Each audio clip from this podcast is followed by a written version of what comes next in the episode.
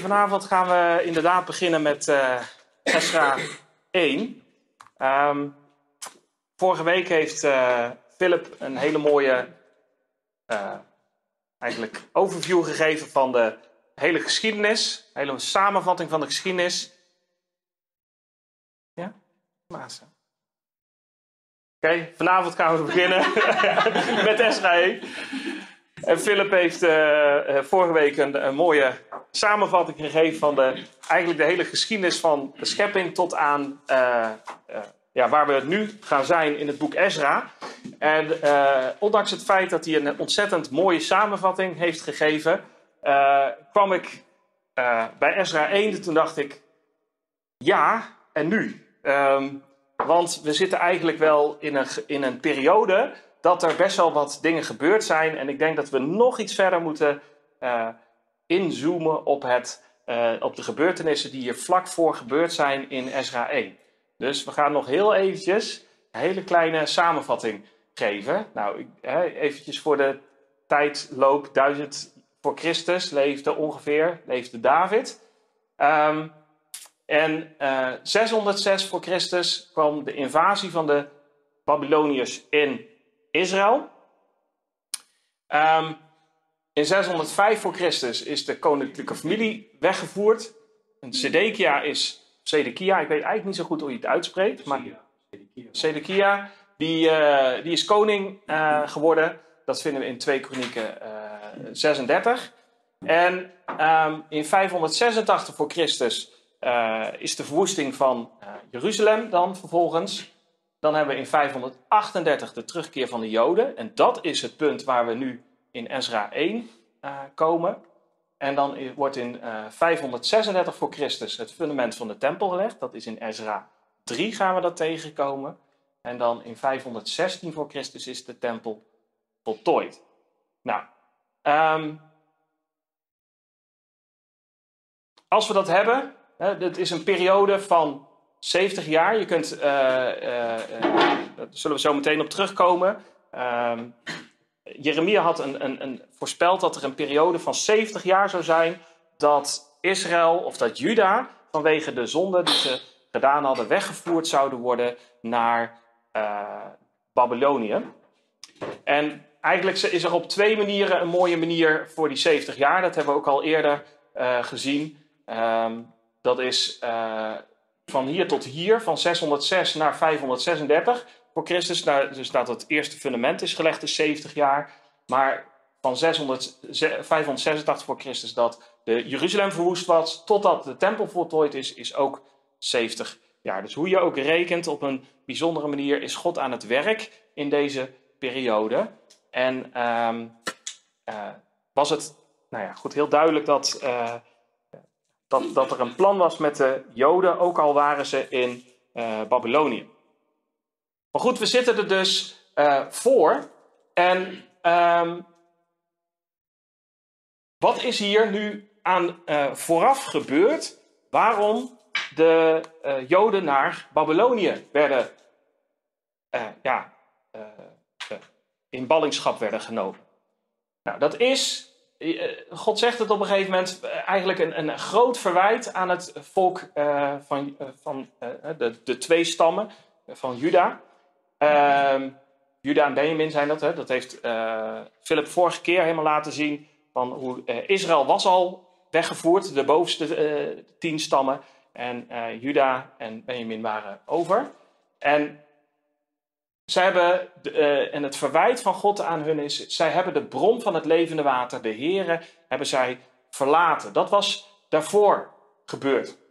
Nou, en nu werd er in 605 voor Christus werd de koninklijke familie uh, weggevoerd en werd Sedekia werd koning. Nou, dat vinden we hier in uh, 2 Koningen um, 24 vinden we dat terug. Daar staat dat Joachim, Joachim was 18 eh, jaar oud toen hij koning werd. En hij regeerde drie maanden in Jeruzalem. En dan staat er, hij deed wat slecht was in de ogen van de Heer, overeenkomstig alles wat zijn vader gedaan had. En in die tijd trokken de dienaren van Nebukadnezar, de koning van Babel, naar Jeruzalem en de stad werd belegerd. Nou, dan een paar versen verder uh, vinden we dan dat hij voerde Joachim weg naar Babel. Ook de moeder van de koning, de vrouwen van de koning, zijn hovelingen en de heersers van het land voerde hij in ballingschap uit Jeruzalem naar Babel. Dus in 600, het gebeurde in 605 na Christus, werd de koninklijke familie die werd weggevoerd. En dan staat er in vers 17, en de koning van Babel maakte Matanja, de oom van Joachim, koning in zijn plaats en veranderde zijn naam in Zedekia. Nou, dit, dit is de gebeurtenis die uh, hiervoor had plaatsgevonden.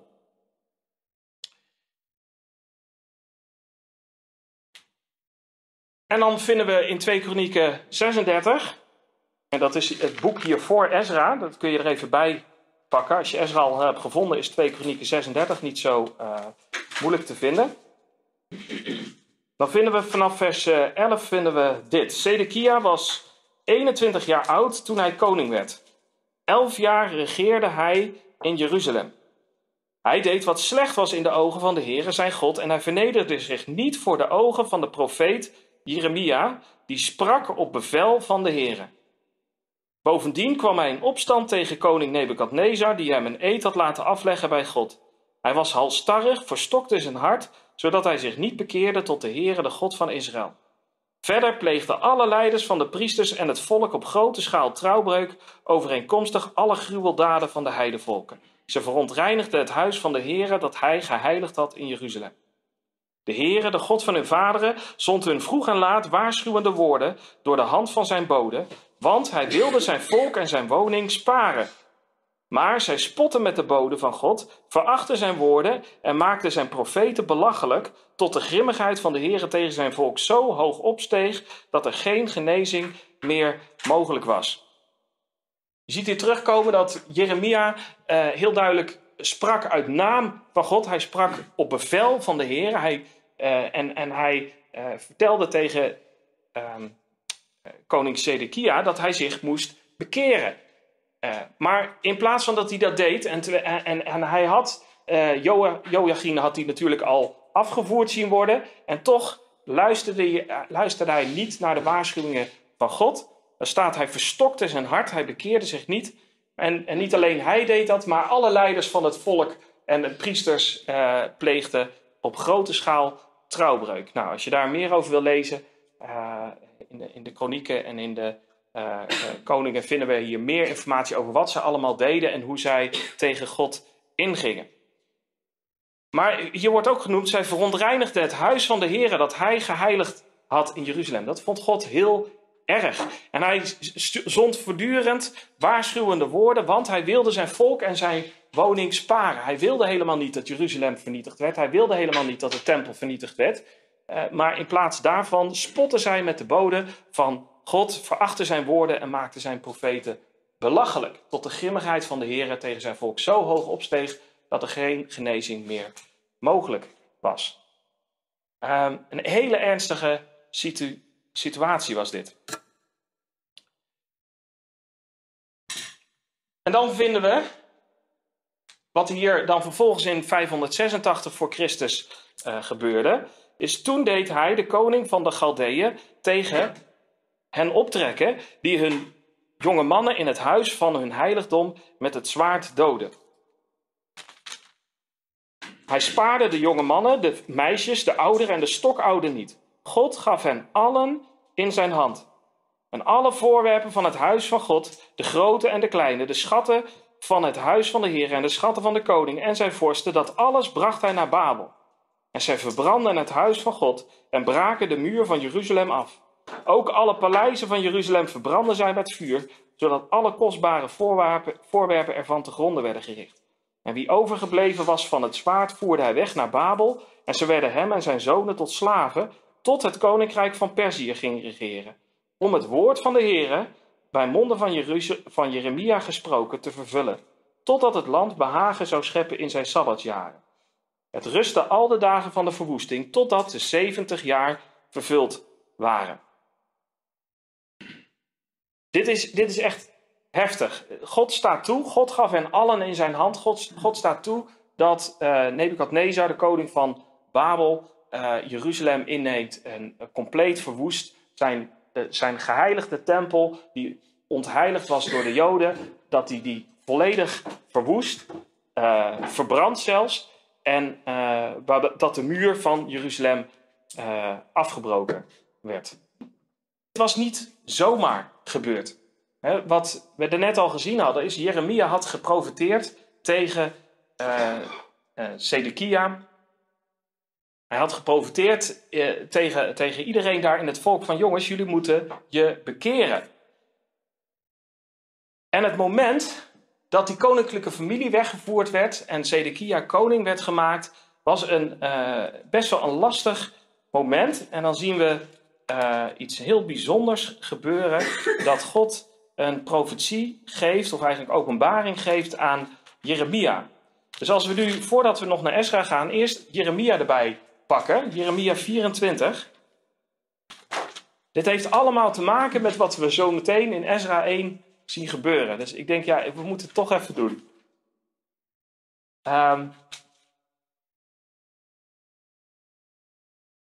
een hele, Jeremia krijgt een hele bijzondere uh, openbaring te zien over twee manden met vijgen. En hij krijgt een mand met goede vijgen en een mand met slechte vijgen te zien. Het is niet zo veel, dus we zullen het gewoon even lezen. En dan, ja, dan zien we zelf al wat het, uh, wat het betekent.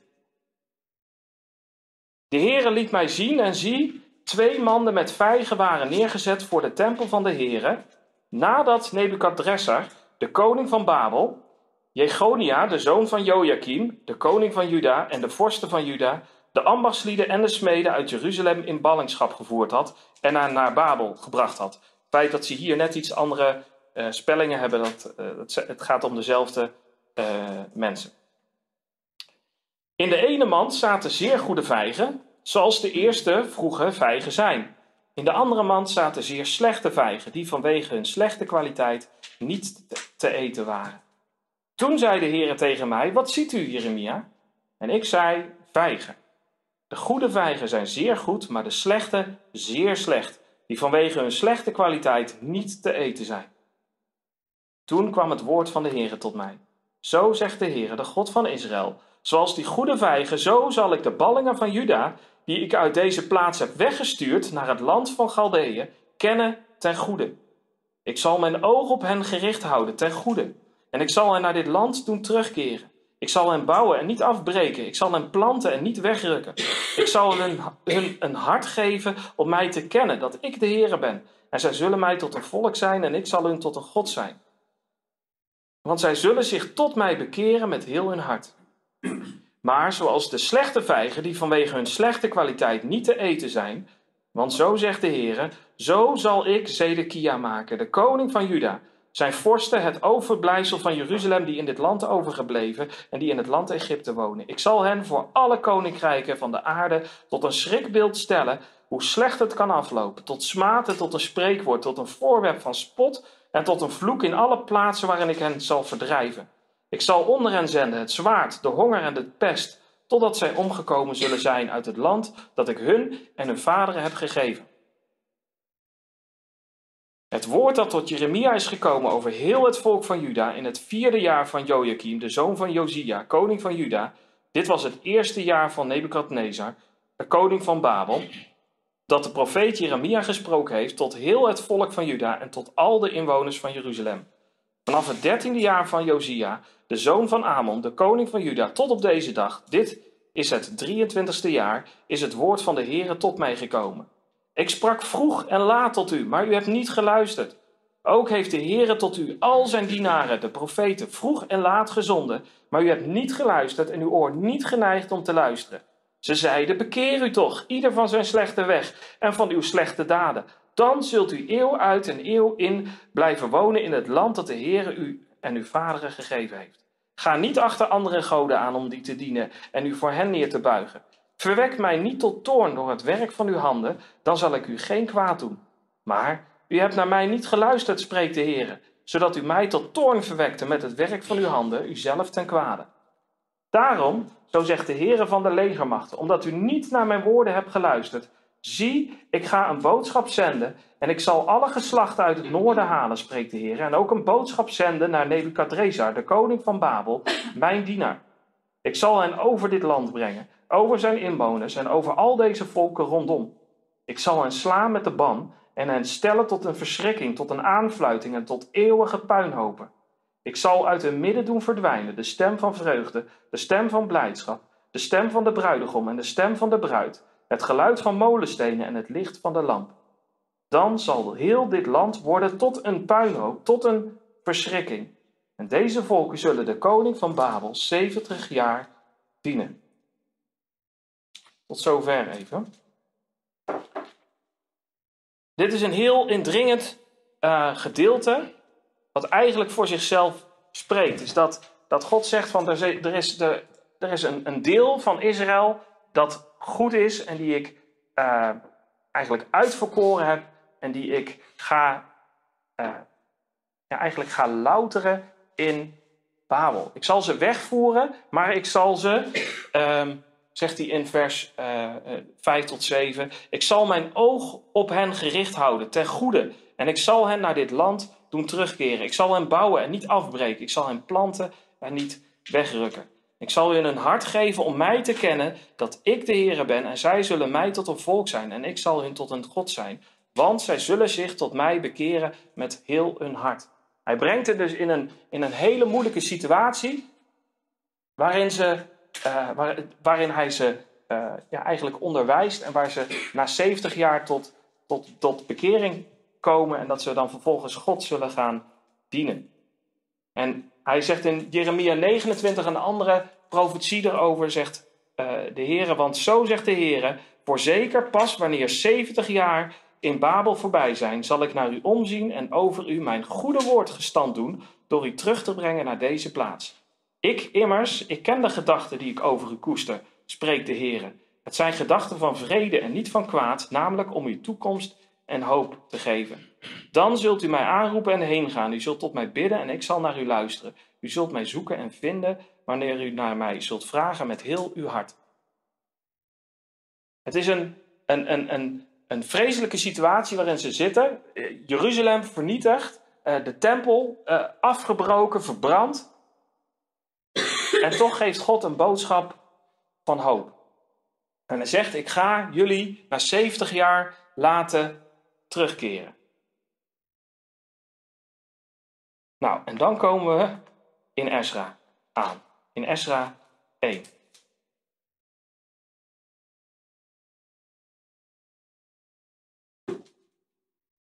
Ezra 1, vers 1. In het eerste jaar nu van Kores, de koning van Perzië, wekte de Heere de geest van Kores op, de koning van Perzië, opdat het woord van de Heere dat hij bij monden van Jeremia gesproken had, vervuld zou worden om door zijn hele koninkrijk een boodschap te laten gaan, ook in geschriften. Zo zegt Kores, de koning van Perzië, alle koninkrijken van de aarde heeft de Heere, de God van de hemel, aan mij gegeven, en hij is het die mij heeft opgedragen om een huis voor hem te bouwen in Jeruzalem, dat in Juda ligt. Ik vind het wel gaaf dat we nu bij het boek Ezra aankomen, omdat voor degenen die erbij zijn geweest toen we het boek Daniel behandelden, deze naam, Kores, dat uh, zou een belletje moeten laten rinkelen. Want uh, die hebben we ook gezien in het boek Daniel. In het boek Daniel, uh, we hebben Daniel gezien die in ballingschap in ehm, Babel zat. En nu is daar de koning van Kores. De koning van Kores, de koning van, uh, of koning Kores, de koning van Perzië, die heeft uh, Babel verslagen en heeft zijn plek ingenomen. En dan staat hier in vers 1 dat God, dat de Heere de geest van Kores opwekte, opdat het woord van de Heere, dat hij bij, Jeremia, bij monden van Jeremia gesproken had, vervuld zou worden. En dan zegt hij van nou, er gaat een boodschap, ook in geschrift, door het hele koninkrijk heen. Um, en dan zegt hij, alle koninkrijken van de aarde heeft de Heere, de God van de hemel, aan mij gegeven. Dus Kores herkent hier, God is de baas. En hij is het die mij heeft opgedragen om een huis voor hem te bouwen in Jeruzalem, dat in Juda ligt. Dit is een, een, een zeer bijzonder moment. God grijpt in. Uh, eh, 70 jaar lang is het volk weg geweest in uh, ballingschap. En nu roept hij een koning op van een, van een gigantisch uh, koninkrijk. En hij zegt: Jij moet die mensen gaan terug sturen. Want er moet weer een tempel gebouwd gaan worden.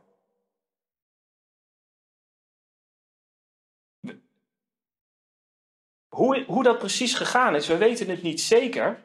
Maar er zijn wel aanwijzingen voor. Een paar honderd jaar daarvoor had Jezaja een profetie uitgesproken over die Kores. In Jezaja 44, vers 28 en dan vers 45 tot 4 tot 7 staat er iets heel bijzonders wat toen eigenlijk nog helemaal niks uh, betekende. Toen uh, het profeteerde, ja, wie is Kores? Ja, weet, weten wij veel. Toen, toen Jezaja het opschreef.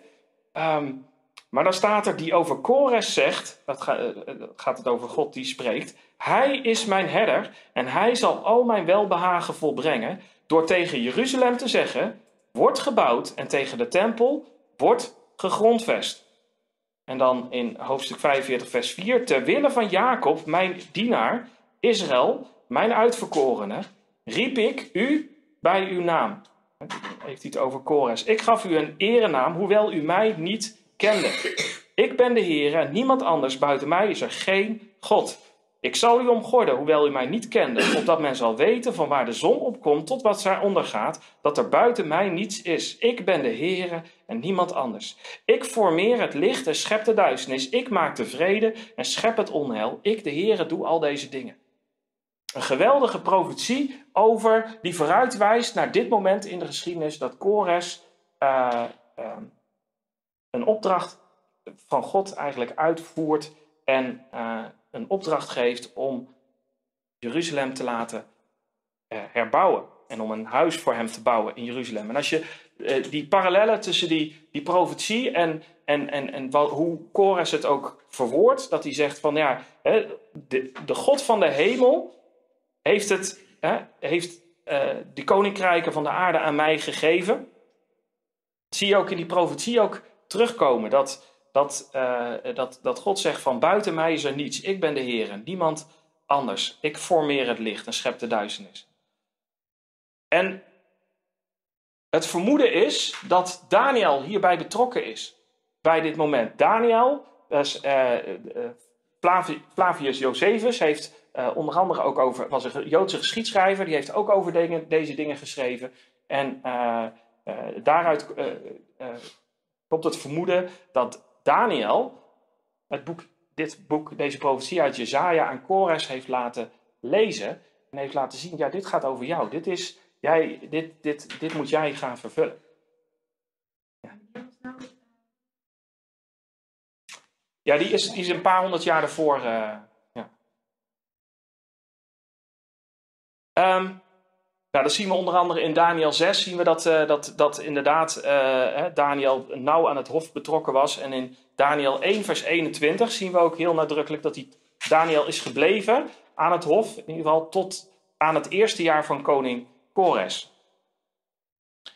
Nou, hoe dan ook, Kores die doet dit. Kores vervult dit uh, en hij doet dat omdat hij erkent dat God de baas is en hij zegt, ja, dit, dit, moeten, we gaan, dit moeten we gaan doen.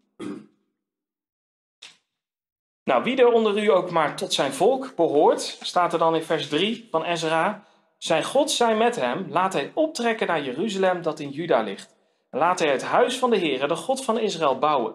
Hij is de God die in Jeruzalem woont. Ik vind het zo bijzonder hoe hij dit hier zo zegt. En ieder die achtergebleven is, uit alle plaatsen waar hij als vreemdeling verblijft, Laten zijn plaatsgenoten hem helpen met zilver, met goud, met allerlei bezittingen en met vee, naast de vrijwillige gaven voor het huis van God, die in Jeruzalem woont. Hij blijft erkennen, en God is het, en God woont in Jeruzalem. De plek waar die hoort te zijn, is hè, de tempel die hoort te staan in Jeruzalem. En daar moet die tempel ook gebouwd worden. En hij bevrijdt hier het volk dat in ballingschap weggevoerd was naar uh, Babylonië. En hij zegt van nou, overal waar jullie nu zijn, ze waren waarschijnlijk verspreid over, over uh, het, het, gezagsgebied van Babel. En hij roept ze op, jongens, ga terug, ga naar um, Jeruzalem toe en ga daar weer de tempel bouwen. En als je erover nadenkt, ik, ik, ik, ehm, dit is, dit is ongelooflijk. Dit is, dit is wat God eigenlijk constant door de eeuwen heen gedaan heeft met het volk Israël. Hij heeft ze niet losgelaten, hij houdt ze vast. En ik moest, toen ik dit las, moest ik denken aan het moment dat in 1948 ook weer uh, de staat Israël na 2000 jaar niet bestaan te hebben, weer gesticht is. En hoe de Joden uit de hele wereld weer naar Israël aan het trekken zijn. Dit, is, dit wat we hier zien in Ezra is eigenlijk een soort van proloog daarop. Van, van, van dit, is, dit is hoe God bezig is met zijn volk. En hij blijft doorgaan. We hebben de profetieën ook gezien in het boek Openbaring. God blijft doorgaan met zijn volk. En God is nu aan de macht. En hij stelt zijn volk nu in staat om terug te keren. En als je kijkt in, eh, eh, rondom de Tweede Wereldoorlog, hoe eh, God eigenlijk de omstandigheden, die vreselijke omstandigheden die in de Tweede Wereld, de, de, de, de moord van op, op 6 miljoen Joden gebruikt heeft om de volken bereid te maken om Israël te laten vestigen. Daar. Dat is bizar. En, en, en hier in Ezra zien we eigenlijk iets, iets, ook zoiets gebeuren is. Dat, dat God grijpt in en zegt, jongens, jullie moeten weer terug naar Jeruzalem en jullie moeten de tempel gaan bouwen. En hij geeft ze een opdracht mee en hij zegt, jullie moeten eh, eh, de, de plaatsgenoten laten helpen met zilver, met goud, met bezittingen, met vee. En een vrijwillige gave ook voor het huis van God die in Jeruzalem woont. Dan in vers 5 vinden we toen stonden de familiehoofden van Juda en Benjamin en de priesters en de levieten op, allen bij wie God de geest had opgewekt om op te trekken om het huis van de Here te bouwen die in Jeruzalem woont. En alle rondom hen ondersteunden hem met zilveren voorwerpen, met goud, met bezittingen, met vee en met kostbaarheden, naast alles wat vrijwillig gegeven was. Ook liet koning Kores de voorwerpen van het huis van de Here halen, die Nebukadnezar uit Jeruzalem had gehaald en in het huis van zijn goden had geplaatst. Kores, de koning van Perzië, liet ze halen door de dienst van Mithredat, de schatbewaarder, en die telde ze en droeg ze over aan Sesbazar, de vorst van Juda. Dit zijn de aantallen ervan: 30 gouden schalen, 1000 zilveren schalen, 29 messen, 30 gouden bekers, 410 andere zilveren bekers en andere voorwerpen 1000. Het totaal van de voorwerpen van goud en zilver 5400.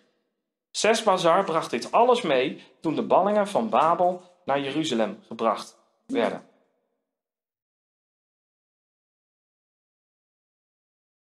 We zagen in vers 4, en in, in, in vers 1 tot 4 zagen we dat God de koning opwekte. Dat God de koning zodanig uh, uh, de opdracht gaf dat hij de Joden bevrijdde. Dat hij zei van jongens, jullie mogen weer terugkeren. Maar als je daar nou eenmaal in Babel zit, die mensen hadden daar 70 jaar gewoond. Die hadden daar waarschijnlijk een, een, een prachtig, sommigen een prachtig leventje opgebouwd. Gewoon zijn gangetje. Gewoon een mooi huisje, een mooi uh, spulletjes verzameld. En dan zie je hier iets bijzonders gebeuren: dat God ook bij sommigen de geest opwekte om op te trekken om het huis van de Heer te bouwen. Het was een gigantische onderneming dat zij weer moesten gaan kiezen om iets te gaan op te gaan zetten. Namelijk de opdracht van God te vervullen, weer om een huis te gaan bouwen in Jeruzalem. Een huis voor God. En als je daarover nadenkt, denk ik, ja, zo, hè, als je kijkt naar, naar, naar Philip en Rebecca, die hebben ook de roep ervaren om, om hier in, in Eindhoven op deze plek een, een, een, gemeente te starten. Om alles op te geven en een gemeente te starten. En, en, en uh, ja, gewoon eigenlijk de roepstem die ze gehoord hadden, te gehoorzamen, nou alles voor op te geven. En hier zagen we dat ook bij deze uh, mensen. God wekte hun, uh, hun op en ze gingen. En dan staan er hier ook nog bijzondere dingen genoemd. In vers 6 dat, dat allen rondom hen heen ondersteunden hem met zilveren voorwerpen, met goud, met bezittingen, met vee, met kostbaarheden. Naast alles wat vrijwillig gegeven was. Dus ze kregen, nou, ze kregen echt alles gewoon mee. Dit is echt gezegend door God. God zegent hier en, en zij krijgen alles mee wat nodig is om uh, Jeruzalem te gaan herbouwen en om het huis van God daar te gaan bouwen. En als je dan kijkt, dan gaat Kores ook nog de spullen die gejat waren uit het huis van God, uit de tempel, gaat hij ook nog terughalen. Nou, dat hadden we net gelezen in 2 Kronieken 36, wat hij allemaal had, wat, wat Nebuchadnezzar allemaal had meegenomen. Nou, voor degene die nog herinnert van Daniel, daar is nog iets bijzonders mee gebeurd. En daar moest ik aan denken. En ik denk, nou, dan, dan bekijken we daar ook nog eventjes nu naar. Daniel 5 zagen we dat koning Belshazzar een groot feestmaal aanhief voor zijn duizend machthebbers. En dan onder invloed van wijn beval Belshazzar dat men de gouden en zilveren voorwerpen moest halen die zijn vader Nebukadnezar had weggehaald uit de tempel in Jeruzalem. Ze bouwen daar in Daniel 5 een gigantisch feest met de spullen die bedoeld waren om uh, geheiligd te zijn in de tempel en om gebruikt te worden voor de tempeldienst. Het viel mij ook op dat, dat, dat, dat hij daar met duizend machthebbers was. En dat als je kijkt van hoeveel zilveren schalen er bijvoorbeeld zijn, duizend. Ja, dat is opvallend hoe, hoeveel, hoe, die, hoe, die, uh, uh, nou, hoe, hoe dat feest geweest moet zijn. En als je verder naar die nummers gaat kijken, ik, ik, ik denk niet dat we er veel ja, misschien te veel waarde aan moeten hechten, maar het is wel opvallend. Waar is dat ene mes? Hè? Maar wat, wat wel bijzonder is, is dat, dat het feit dat dit opgeschreven wordt, is dat God heeft dit bewaard. God heeft dit uh, ervoor gezorgd dat dit allemaal nauwkeurig weer meeging. want eigenlijk was het niet van de Joden, maar het was van God uiteindelijk natuurlijk wat daar was. En uiteindelijk wordt dit allemaal weer weg meegebracht. Wie die Zes Bazar was, dat uh, weten we niet helemaal. Misschien is het een andere naam voor uh, Zerubabel, die we nog verder gaan zien in um, het boek Ezra. Of nou, misschien was het ja, iemand anders, dat, dat weten we niet. Maar we weten in ieder geval dat hij dit meenam toen de ballingen van Babel naar Jeruzalem gebracht werden.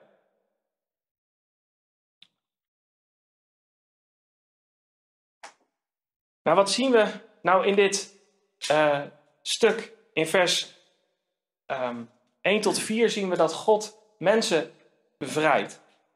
En dan zien we in vers 5 dat God de mensen roept en mensen het verlangen geeft om te gaan, om te gaan arbeiden, eigenlijk simpelweg in zijn koninkrijk, om te doen wat hij van ze vraagt.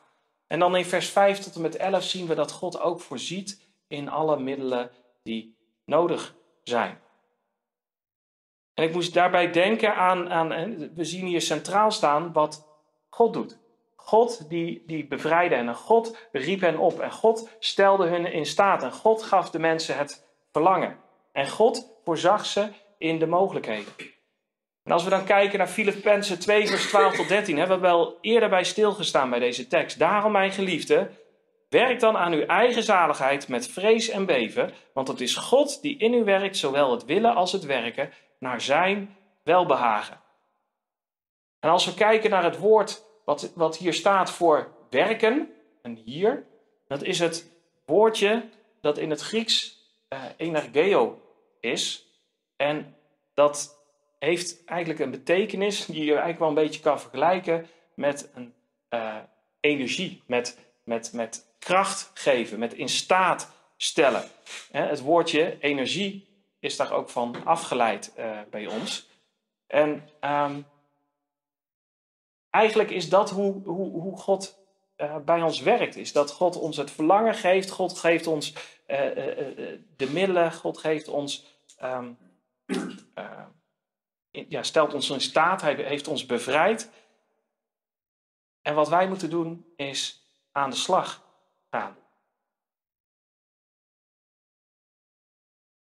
Maar hij is het uiteindelijk die het doet. Nou, als we in dit gedeelte nog verder kijken, zien we dat er eigenlijk uh, bij deze groepen, dat we twee mensen, uh, twee groepen zien bij de mensen. We zien hier de bouwers, maar we zien hier ook de ondersteuners. Dus er gingen mensen naar uh, Jeruzalem toe om daar te gaan bouwen aan de tempel van God. En dan in, in Ezra 2 vinden we een hele lijst van iedereen die ging. En dat waren mensen met lef. Dat waren mensen die, die God had opgeroepen. En jullie gaan daarheen. En je weet, je weet vast niet wat daar, gaat, wat daar allemaal jou te wachten staat. Maar jij gaat het daar herbouwen. En die deden dat. Dat waren de bouwers. Maar er waren, zien we in dit gedeelte ook terugkomen, de ondersteuners. En zo is het ook in het, in het koninkrijk van God. Als, wij, als God arbeiders stuurt om uh, uh, bijvoorbeeld uh, naar Papua Nieuw-Guinea te gaan, of om hier in Eindhoven een gemeente te starten, Huis van God. Die mensen hebben ook ondersteuning nodig. God moet ook voorzien voor hun. En we zagen hier twee soorten ondersteuning. We zien hier de vrijwillige gave die gegeven werd voor het huis van God. En we zien ondersteuning van de bouwers. Beide is nodig. Als we, als we kijken naar de financiën bij onze gemeente. Het, beide is nodig. We, we moeten de huur eh, betalen van, van, van, van dit gebouw. Uh, het doopvond en al die andere dingen, die moeten, we, uh, die moeten we betalen. En tegelijkertijd moeten we ook de arbeiders vrijstellen. Moet ook Philip, die zijn, zijn, zijn baan heeft opgezet, opgezegd, moet ondersteund worden. Met middelen. En dat is wat de Bijbel zegt. Een arbeider is zijn loon waard. En hier werd hier die opdracht meegegeven. Laten zijn plaatsgenoten hem helpen met zilver, met goud, met allerlei bezittingen en met vee naast de vrijwillige gaven van voor het huis van God. En dat deden ze ook ook. En alle rondom hen ondersteunden hen met zilveren voorwerpen, met goud, met bezittingen, met vee en met kostbaarheden, naast alles wat vrijwillig gegeven was. Een arbeider is zijn loon waard. We hebben er eerder naar gekeken, maar ik denk dat we als we naar dit gedeelte kijken, um, moeten we niet onderschatten dat als mensen dit niet gedaan hadden, dan hadden die bouwers daar gestaan en gedacht: ja, en nou moet ik gaan bouwen. Maar stenen, ja, waar moet ik die vandaan halen? Ja, weet ik niet. Uh, ja, ik, moet ze misschien gaan kopen of zo. Of, of, maar waarmee, waar moet ik dat van kopen? Want ik heb geen geld. Maar wat had God gedaan? God had ze ondersteund. God had, ze, eh, God, God had ook mensen op het hart gegeven om te geven, zodat uh, de bouwers aan de slag konden. En als we kijken naar dit gedeelte, hebben we vaker bij stilgestaan. Uh, maar het is belangrijk om te beseffen, dit is de, de, de, net zoals soldaten die in de, um, erop uitgestuurd worden om ergens te gaan vechten, die hebben een thuisfront nodig. Die hebben mensen nodig die hun ondersteunen van thuis uit. Zo hebben de, de arbeiders in het koninkrijk die erop uitgaan, die, die uh, uh, in gehoorzaamheid aan God gaan arbeiden, die hebben ondersteuning nodig. Dan zegt Paulus in, in, in 1 Korinthe 9, vers 4, zegt hij, hebben wij niet het recht om te eten en te drinken? Heeft, heeft iemand die arbeidt, moet, hoeft hij, hoeft, hoezo, hoeft hij niet te eten? Hebben wij niet het recht om een zuster als vrouw mee te nemen, zoals ook de andere apostelen en de broers van de Heer en Kefas? Of hebben alleen ik en Barnabas geen recht om die te werken? Wie dient ooit in het leger en betaalt zijn eigen soldij? Wie plant een wijngaard en eet niet van zijn vrucht? Of wie wijdt een kudde en voedt zich niet met de melk van de kudde? Spreek ik dit naar de mens, of zegt ook de wet niet hetzelfde? Want in de wet van Mozes staat geschreven: U mag een dorsende os niet melbanden. Bekommert God zich alleen maar om de ossen, of zegt hij dit vooral om ons? Jawel, om ons is geschreven dat wie ploegt, in hoop hoort te ploegen, en dat wie in de hoop dorst, het deel waarop hij hoopt, hoort te krijgen. En als, bij u, als wij bij u het geestelijke gezaaid hebben, is het dan te veel als wij van u het stoffelijke oosten. Hij zegt, we hebben zoveel geïnvesteerd. We hebben jullie zo veel geestelijke rijkdom gegeven. Eh, het minste wat jullie kunnen doen is ons uh, met het fysieke ondersteunen. Eten, met drinken, met huisvesting, met geld. En um, als je erover nadenkt, die, die, als, de, als de, de omstanders dat niet, niet gedaan hadden, als degene die misschien zijn achtergebleven in Babel, en niet degene ondersteund hadden die gingen bouwen in, uh, in, in Jeruzalem, dan was die tweede tempel nooit gebouwd. Dan was Jeruzalem nooit herbouwd.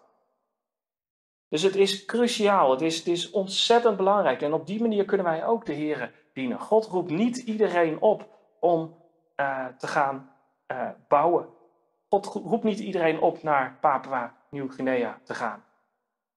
We zien in, in 1 Thessalonicense dat het ook goed is op een gegeven moment voor mensen om gewoon te werken en te voorzien voor hun gezin. Dat is ook God eren. Op die manier kun je ook God eren. Maar degenen die geroepen worden, die moeten wel ondersteund worden. Dat is een principe wat we uh, in de Bijbel terugvinden. Wat we op deze plek vinden, wat we hier ook in Ezra terug zien komen. En wat we ook in uh, 1 Timotheus 5 ook zien terugkomen. Laat ouderlingen die goed leiding geven, dubbele eerwaard gewacht worden. Vooral degenen die arbeiden in het woord en in de leer. Want de schrift zegt, een dorsende os mag u niet melbanden en de arbeider is zijn loon waard. Het feit dat, dat de Bijbel dit noemt, ik, het is wel eens lastig om over deze dingen te spreken. Nou, voor mij is het makkelijker om erover te spreken misschien dan Philip, omdat Philip helemaal van giften leeft. Um, maar het staat wel in de Bijbel. En het moet genoemd worden, want het staat in de Bijbel. En uh, ik denk dat dit, dit gedeelte hier uh, uh, daar een, een, een, heel mooi beeld van is. Hoe dat in de praktijk ging toen bij de herbouw van Jeruzalem en van de tempel van Jeruzalem. Dus als we kijken naar Ezra, dan zien we dat God herstel geeft. God begint weer opnieuw met, met de Joden. God, God um, dat het, ja, het was gebeurd, de verwoesting van Jeruzalem. Ja, de tempel was afgebroken. En ja, hij was verbrand. In Jeruzalem, de muren van Jeruzalem waren afgebroken. En dat was vreselijk. En dat, dat, uh, uh, maar God die zorgde ook weer voor dat er weer mensen terugkeerden en weer aan de slag gingen en weer gingen bouwen. En als we kijken naar Nederland. In Nederland is bijna niemand meer christen. Het, het, het, het aantal gelovigen dat, dat we hier in, in, in Eindhoven kunnen tellen, dat, dat, kunnen, we, kunnen we waarschijnlijk gewoon op, op, op, op uh, een paar velletjes papier kunnen we ze, kunnen ze tellen. Dat is, dat is niet, het is niet veel meer. En wij zijn geroepen om de wereld in te gaan en om het koninkrijk van God te brengen. Om weer eh, eh, om, te, om te bouwen aan zijn gemeente. Maar het is Gods werk. En als, de, als we dit hier in, Jeremia, uh, de belofte van uh, het beeld wat Jeremia had ge gekregen over de goede vijgen, daar mogen we ons aan vasthouden, denk ik. Zo zegt de Heer, de God van Israël, zoals die goede vijgen, zo zal ik de ballingen van Juda, die ik uit deze plaats heb weggestuurd naar het land van de Galdeeën, kennen ten goede. Ik zal mijn oog op hen gericht houden ten goede, en ik zal hen naar dit land doen terugkeren. Ik zal hen bouwen en niet afbreken. Ik zal hen planten en niet wegrukken. Ik zal hun een hart geven om mij te kennen, dat ik de Heer ben, en zij zullen mij tot een volk zijn, en ik zal hun tot een God zijn. Want zij zullen zich tot mij bekeren met heel hun hart. Ik, en ik bid dat dit het verlangen van ons allemaal mag zijn. Dat wij een verlangen mogen hebben om God te kennen, van dichtbij. Dat wij mogen weten dat Hij de Heer is. En dat wij een, een hemels volk mogen zijn van Hem. Hè. We zijn hemelburgers. En dan die belofte die, die, die, die voor ons ook van toepassing is. Ik zal hun tot een God zijn, want ze zullen zich tot mij bekeren met heel hun hart. Amen.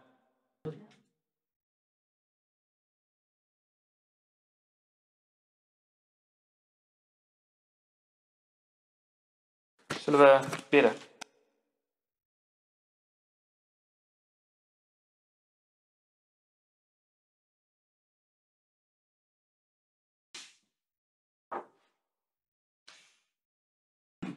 Vader in de hemel, Heer, ik dank u voor dit boek. Ik dank u voor het feit dat u uw volk heeft vastgehouden. Dat u uw plan, dat we zien in het plan dat u heeft met uw volk, dat u betrouwbaar bent, dat u trouw bent, dat u doorgaat en dat u doet wat u belooft. Zowel in het goede als in het slechte. En Heer, ik ik vind het geweldig om te zien hoe u toen het volk van uw volk terugbracht naar de plek waar ze hoorden. En hoe u nu, nu een aantal jaar geleden, ook weer uw volk terugbracht naar Israël. En velen van u daar, velen van hen daar, Heer, die kennen u nog niet. We bidden voor Israël. We bidden voor de vrede van Jeruzalem. We bidden voor dat velen van daar u nog mogen leren kennen, mogen aanbidden. Uw zoon mogen zien als wie die is, namelijk de Messias, de zoon van de levende God. Heer, ik dank u voor zoveel bemoedigingen eh, in uw woord, Heer. En ik bid dat we u mogen volgen met heel ons hart, Heer. En dat we verlangen mogen hebben om u te kennen. In Jezus' naam. Amen.